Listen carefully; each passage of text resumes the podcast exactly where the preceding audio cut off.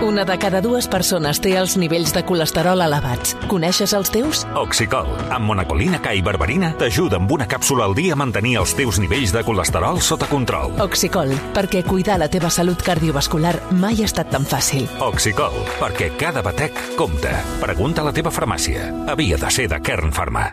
La decisió del Suprem d'acceptar la causa de terrorisme contra Puigdemont és un clar avís a l'expresident que el Poder Judicial no està disposat a acceptar el seu retorn de l'exili.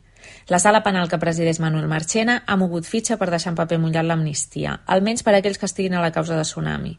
I és que des del moment que el Suprem avala els índices de terrorisme, poc hi tenen a fer altres instàncies o la Fiscalia General de l'Estat, que ha quedat desautoritzada per l'alt tribunal.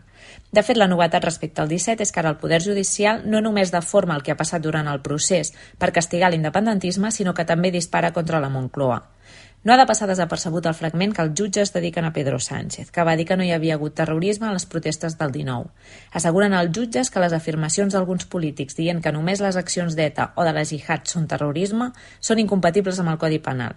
El missatge, doncs, és clar. El Suprem no només es nega a desfer el nus judicial del 17, sinó que el vol embolicar més, encara que això impliqui un xoc sense precedents entre els poders de l'Estat.